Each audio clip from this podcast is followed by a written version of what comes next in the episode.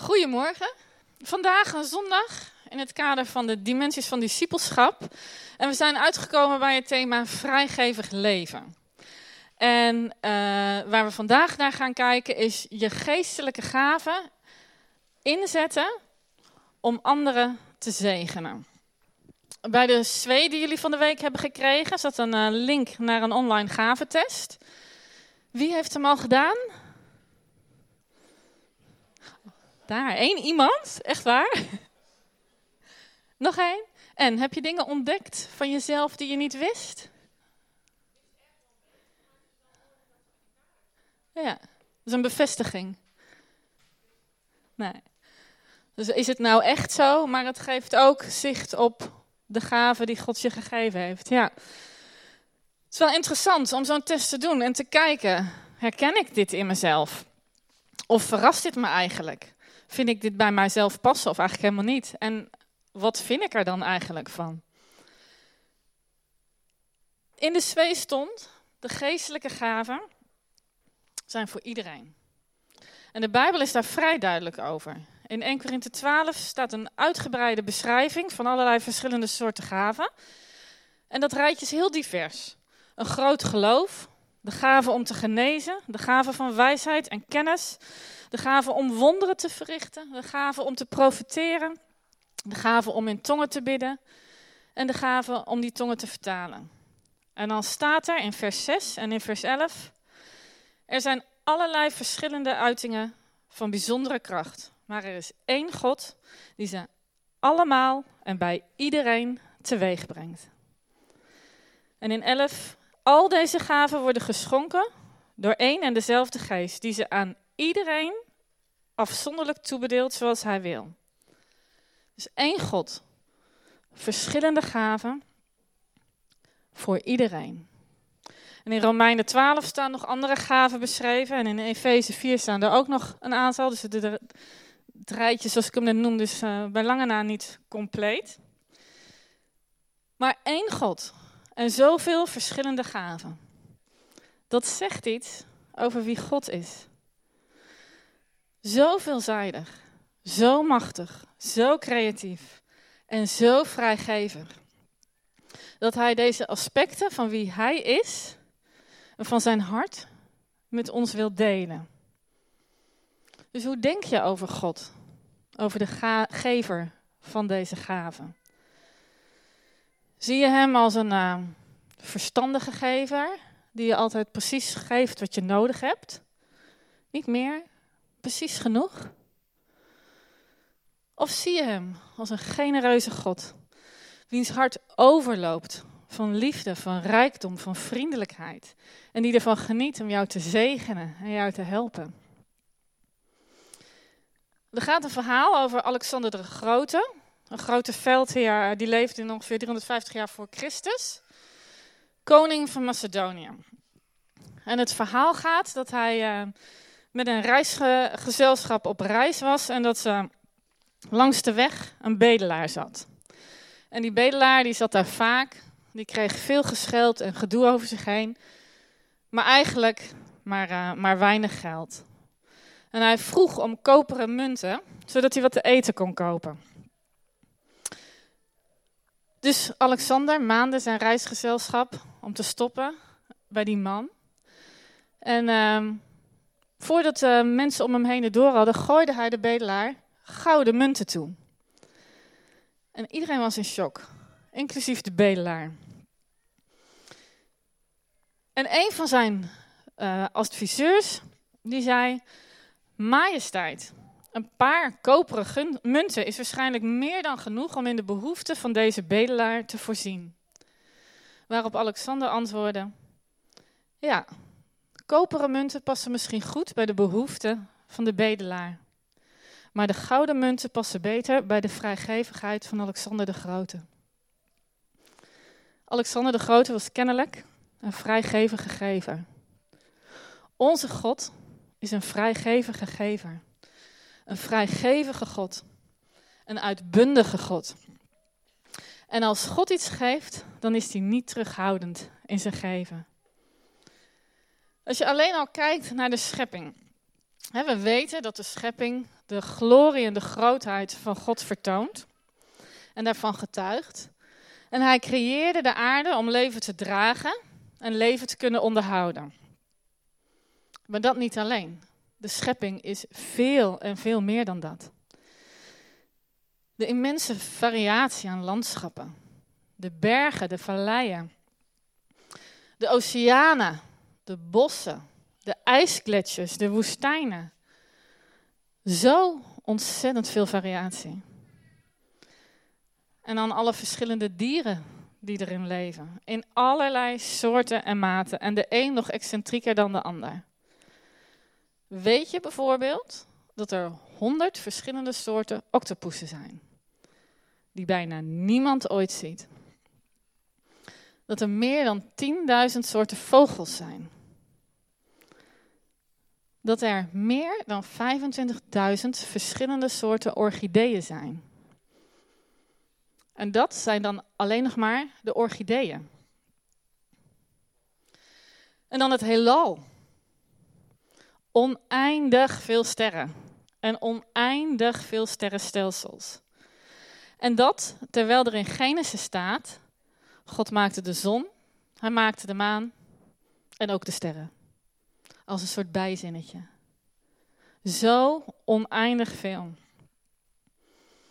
God laat in zijn schepping zijn uitbundigheid zien, zijn overdaad, zijn overvloed. Hij doet de dingen niet half.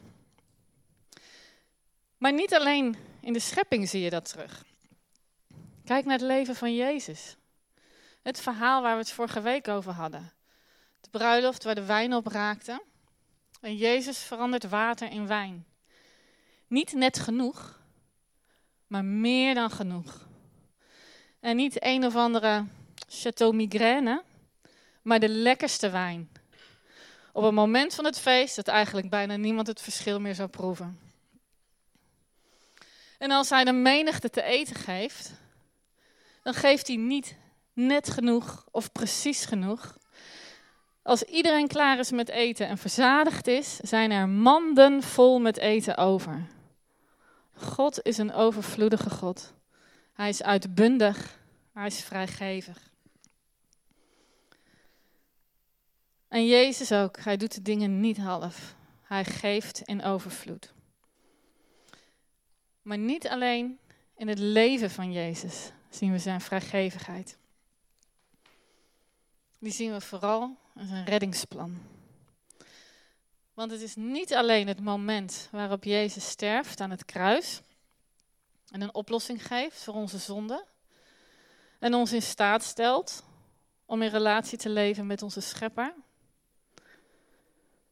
Nee, al voordat hij zijn leven op aarde opgaf, had hij zijn leven in de hemel al voor ons opgegeven. Zijn rijkdom, zijn macht, zijn majesteit, om ons te redden. Zodat we leven zouden vinden, een leven in relatie met onze schepper. En wat we dan van hem ontvangen, wat hij voor ons gekocht heeft met zijn leven, is niet een, uh, een soort vrijwaring van een uh, verlaten gevangenis zonder te betalen. Het is de liefdevolle verwelkoming in de armen van een vader. Onze vader. God geeft zichzelf. Dat is wie God is. Zo uitbundig, zo overvloedig en zo vrijgevig.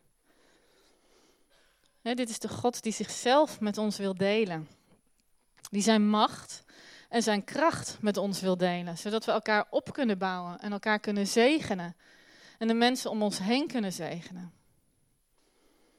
Die ons zijn hart geeft om alles wat daarin is. Die ons zichzelf geeft.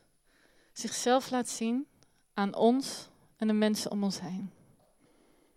En dat is de God die ons zijn geestelijke gaven geeft. Dus als je denkt dat het niet voor jou is, dan is dat een leugen. Hij geeft zonder voorbehoud en zonder verwijt, staat er in Jacobus 1. En in die vrijgevigheid van de Vader zien we het hart van de Vader. Een hart vol liefde. En God is vrijgevig op een manier die wij eigenlijk niet kennen. God is vrijgevig ook als het om zijn gaven gaat. Onze God is een vrijgevige God. En wij, als christenen, mogen op onze vader lijken. En eigenlijk zouden wij als christenen de meest vrijgevige mensen moeten zijn. Omdat we weten dat wanneer wij onszelf en onze tijd, ons, onze gaven, ons geld geven, dat dan de hemel open gaat. En God door ons heen zijn koninkrijk bouwt. En omdat we weten dat God alles wat wij nodig hebben, vanuit zijn overvloed aanvult. Het is niet net genoeg, vanuit zijn overvloed. Er is meer dan genoeg. En zoals ik net al las uit 1 Korinthe 12, het is Gods geest die ons de gaven geeft. er zijn verschillende gaven, maar er is één geest. Er zijn verschillende dienende taken, maar er is één Heer. Er zijn verschillende uitingen van bijzondere kracht, maar er is één God die ze allemaal en bij iedereen teweeg brengt. In iedereen is de geest zichtbaar aan het werk ten bate van de gemeente. En al deze gaven worden geschonken door dezelfde, één en dezelfde geest, die aan iedereen afzonderlijk, afzonderlijk toebedeelt wat hij wil. Dus het is de Heilige Geest die betrokken is bij het uitdelen van de gaven. En de Heilige Geest die in Jezus was, is dezelfde Heilige Geest die wij hebben ontvangen. en we worden niet voor niks christenen genoemd. Christenen, afgeleid van het woord Christus. Wat betekent gezalfde. Jezus was de gezalfde en wij zijn gezalfd. God heeft ons gezalfd, gewaarmerkt als zijn eigendom en ons als voorschot de Heilige Geest gegeven. Staat er in 2 Korinthe 1. En als we het dan hebben over Gods overvloedige vrijgevigheid, dan gaat dat ook over zijn Heilige Geest. In Johannes 3, vers 34 staat: En God schenkt de Geest in overvloed. God schenkt de Geest in overvloed. God is een vrijgevige God in alles wat Hij uitdeelt. In alles wat Hij geeft, in wie Hij is.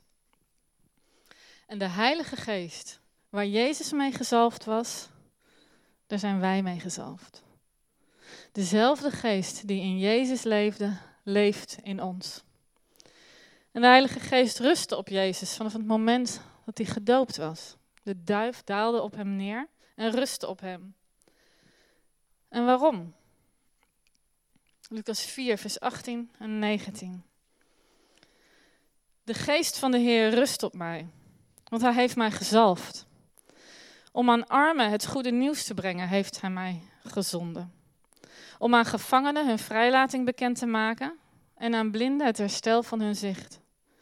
Om onderdrukte hun vrijheid te geven en om het genadejaar van de Heer uit te roepen.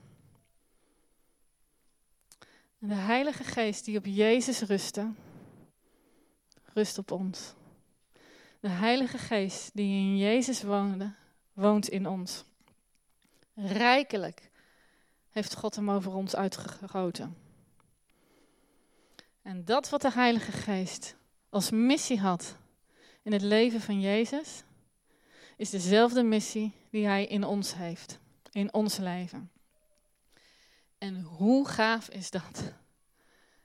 Er is niets gaver dan samen te werken met de Heilige Geest. En mee te werken in de missie van Jezus. En net zoals Jezus in een liefdevolle relatie met zijn vader leefde en in een liefdevolle eenheid met hem, zo worden wij ook uitgenodigd in die liefdevolle relatie met Jezus. En het is in die liefdevolle eenheid met Jezus, met Hemzelf, dat we de Heilige Geest, dat de Heilige Geest in ons is om aan de armen het goede nieuws bekend te maken. om aangevangenen hun vrijlating bekend te maken. Om blinden het zicht te geven. En om onderdrukte vrijheid te geven. En om de genade van de Heer over de mensen uit te roepen. In Johannes 15 zegt Jezus: Als je in mij blijft, dan zal je vrucht dragen. Dus Jezus belooft dat als we dicht bij Hem blijven, vrucht zal volgen. En het is niet dat je zonder mij niks kan. Daar is de Bijbel ook heel duidelijk over. Het hoofdstuk waar de gaven van de geest helemaal beschreven worden, 1 Korinthe 12, wordt gevolgd door 1 Korinthe 13. En daar staat, als sprak ik de talen van de mensen en de engelen. Had ik de liefde niet, ik zou niets meer zijn dan een dreunende gong of een schelle cymbaal. Al had ik de gave om te profeteren en doorgrondde ik alle geheimen. Al bezat ik alle kennis en had ik een geloof dat bergen kon verzetten. Had ik de liefde niet, ik zou niets zijn. Al verkocht ik al mijn bezittingen, omdat ik het voedsel aan de armen wilde geven. Al gaf ik mijn lichaam prijs. En kon ik daar trots op zijn. Had ik de liefde niet, het zou mij niet baten. Had ik de liefde niet. Kennelijk kun je een heleboel doen en kun je een heleboel goede dingen doen zonder verbonden te zijn met Jezus, zonder liefde. En wanneer het niet voortkomt uit die liefdevolle eenheid met Jezus, wanneer de liefde in eerste instantie voor Hemzelf niet de bron is, dan mist het zijn doel. Je kunt alle gaven hebben, maar als er geen liefde is, dan leidt het nergens toe. Dan bouwt het niet op en dan bouwt het niet mee aan Gods koninkrijk. En dan heeft het dus eigenlijk ook maar weinig waarde. Liefde is de bron van Gods vrijgevige hart. Liefde is de bron van Gods vrijgevigheid aan jou en aan de mensen om jou heen. Want het is Gods liefde die het goede nieuws wil brengen. Het is Gods liefde die vrijlating bekend wil maken. Het is Gods liefde die blinden het zicht terug wil geven. En het is liefde die de onderdrukte vrijheid wil geven. Het is liefde. God is een vrijgevige God. En zijn vrijgevigheid komt voort uit zijn hart van liefde. Maar vind het niet wonderlijk? Kennelijk kun je dus een heleboel gaven ontvangen en een heleboel goede dingen doen. En toch de plank volledig misslaan. Ik vind dat wel ingewikkeld. dat je zo de plank mislaat dat het leeg klinkt. En dat het de ander niet opbouwt. Gods vrijgevigheid wordt gemotiveerd door liefde.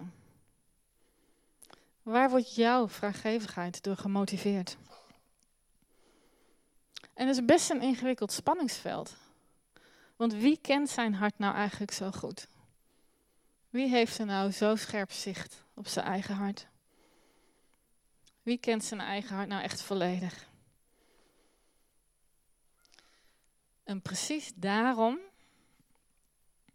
is het zo belangrijk om verbonden te blijven met Jezus. Is het eigenlijk een voorwaarde. Niet om de gaven te krijgen, niet om ze te kunnen toepassen, maar om ze op een goede manier in te zetten. Zodat ze meewerken aan de dingen die God aan het doen is. Want het gaat uiteindelijk niet over jou of over mij. En het gaat zelfs niet eens om de gaven. Het gaat om de gever. En als je het hart van de gever leert kennen, dan merk je hoe ontzettend vrijgevig hij is. Met de dingen van zijn koninkrijk. En met de gaven van zijn geest. Want hij blijft ze geven. Ook al slaan we de plank volledig mis. En klinkt het als een schelle symbaal wat we zeggen. Want dat is namelijk een ander aspect van Gods uh, vrijgevigheid. Hij neemt niet terug wat hij gegeven heeft. Wat hij je één keer gegeven heeft, neemt hij niet terug. Zijn vrijgevigheid is anders dan de vrijgevigheid die wij kennen. En de gaven van de geest zijn genadegaven. Hij, het zijn letterlijk geschenken aan jou. Cadeaus die je niet kunt verdienen. Die krijg je. En je hoeft er dus ook helemaal niets voor, voor te presteren om ze te ontvangen. Hij geeft ze uit genade. En hij geeft ze uit liefde. Omdat hij ervan geniet om jou te zegenen en jou in te zetten in zijn koninkrijk. In Romeinen 11, vers 29 staat: De genade die God schenkt, neemt hij nooit terug. Wanneer hij iemand roept, maakt hij dat niet ongedaan. Dus wanneer God jou een gave gegeven heeft, dan neemt hij die niet meer terug. Dus er is ook geen norm waar je aan moet voldoen om geestelijke gaven te ontvangen. Dus het is niet zo dat je je ergens op moet werken naar een bepaald level en dan. God is een vrijgevige God. Hij geeft je cadeaus uit genade. Er zit geen voorwaarde aan. Het is zonder voorwaarden, zonder voorbehoud, zonder verwijt. En dat maakt dus ook dat het helemaal geen zin heeft om er trots op te zijn. En degene waar jij misschien zo tegenop kijkt, heeft het ook gewoon maar gekregen. De verbinding met Jezus, dat is waar het op gaat. Weet je, mijn oom, die uh, is ongeveer ook alweer een jaar of tachtig, die heeft vanaf zijn jeugd één slechte nier. Heel veel in het ziekenhuis gelegen, heel veel uh, operaties gehad, heel veel gedoe. En op een gegeven moment, een jaar of twintig geleden, begon zijn andere nier ook te verslechteren. En in die mate dat, zijn, uh, dat hij aan de dialyse moest, dat zijn nieren eigenlijk niet meer functioneerden. En dat de enige hoop op verandering een niertransplantatie was. En een aantal van zijn broers en zussen zijn een traject ingegaan om uh, te kijken of zij geschikt zouden kunnen zijn als donor. En mijn vader bleek de geschikte match. En behalve dat mijn vader helemaal medisch is onderzocht en medisch is gekeurd en helemaal voorbereid werd, werd hij ook mentaal voorbereid. En een van de dingen waar heel veel aandacht aan geschonken werd tijdens dat proces, uh, is het feit dat als je je nier weggeeft, hij niet meer van jou is. Mijn vader had een, een grote operatie ondergaan om zijn nier weg te geven. En om zijn broer eigenlijk leven te geven. En de operatie om de gezonde nier uit een gezond lijf te halen is veel groter en veel gevaarlijker dan het plaatsen van de donornier. Maar wat betekent dat dan? Als jouw broer jouw nier heeft en hij doet dingen met zijn lijf die niet goed voor hem zijn. Wat doe jij als donor als je ziet dat je broer iets doet wat die nier kan beschadigen? Zijn nier. Jouw nier. Wat doe je dan? Het wat betekent het om je nier weg te geven? Hij is van je broer. Hij is niet meer van jou. En zo is het ook met God. Wanneer God iets geeft, is het van jou. En je mag ermee doen wat je wil. God ziet graag dat je het koestert. Dat je het oefent. Dat je het goed verzorgt en dat je leert hoe het werkt en dat je het, leert, dat je het laat bloeien en dat je het inzet in zijn koninkrijk. En dat je daarmee samenwerkt met hem. Zodat je vrucht kan dragen en dat het vrucht kan dragen die blijvend is. Maar hij neemt zijn gaven niet terug. Het kan wel verdorren. Zoals een tak die niet meer verbonden is aan de rank. Hè? Het beeld van de wijn, wijnstok. Maar wanneer je niet zo heel goed weet wat je ermee moet, Of als je denkt, nou die gave van mij, ja, weet je, die is niet zo heel belangrijk. Ik kan daar niet zoveel mee. Ik stel niet zoveel voor. Dan zegt God niet, nou weet je, geef hem dan maar weer terug. Dan geef ik hem wel aan iemand anders. Nee, er was overvloed bij God, weet je nog? En wat hij geeft, neemt hij niet terug. Dus je mag leren. Je mag ontdekken. Ontdekken wat je gave eigenlijk inhoudt. Wat hij teweeg kan brengen. Wat je ermee kan doen. En het beeld dat ik daarbij had was eigenlijk een, eh, een vader en een zoon die uh, samen zo'n op afstand bestuurbaar autootje hebben. En uh, de, die, de zoon heeft hem van de vader gekregen en die zit zo met die afstandsbediening een beetje te sturen. En hij gaat linksaf en hij gaat rechtsaf. En dat de vader dan vol enthousiasme zegt, Kijk eens, kijk eens, moet je kijken wat hij nog meer kan. En dat hij een, een, een, die afstandsbediening een Jens geeft en die auto schiet vooruit, vliegt over de kop en komt weer op vier wielen terecht. Samen met de Vader mag je ontdekken. En God geniet er zo van om ons te leren en om ons in te zetten in de uitbreiding van zijn koninkrijk. hoe kijk jij naar de gaven die God jou gegeven heeft? Wil je de gave ontvangen? Herken je de gave in jezelf? Wat vind je ervan? Ben je er blij mee? Had je liever een andere gehad? Kan ook. Of misschien schaam je er wel een beetje voor. Of misschien ben je wel bang. Want waar kan dat dan allemaal naartoe gaan? Wat kan er dan allemaal gebeuren? Maar onze God is een vrijgevige God. En het fundament en de motivatie van zijn vrijgevigheid is liefde. Zijn hart van liefde.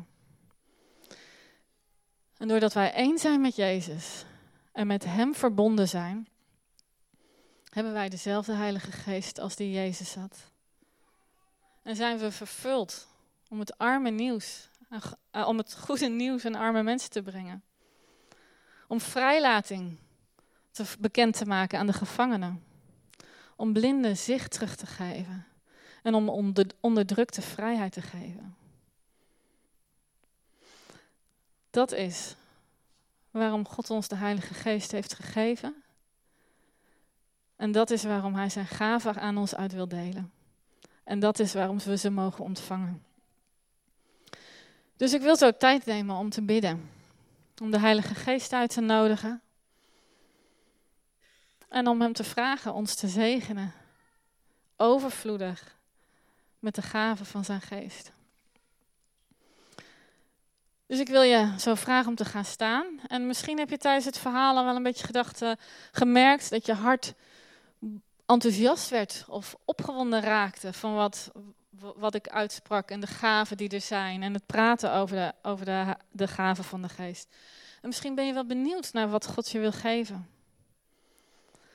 Of misschien weet je wel welke gaven je hebt, maar uh, weet je niet zo goed wat je ermee moet en heb je hem een beetje op de achtergrond gehouden. Dus laten we gewoon kijken wat God wil doen. Zullen we gaan staan? Weet je, God is hier met zijn Heilige Geest. En Hij is een vrijgevige God. Hij deelt graag uit. En de vraag is eigenlijk: wat wil jij? Zullen we bidden?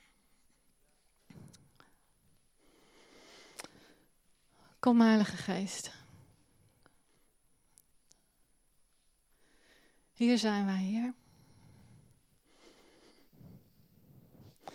En ik bid u, stort uw gave over ons uit.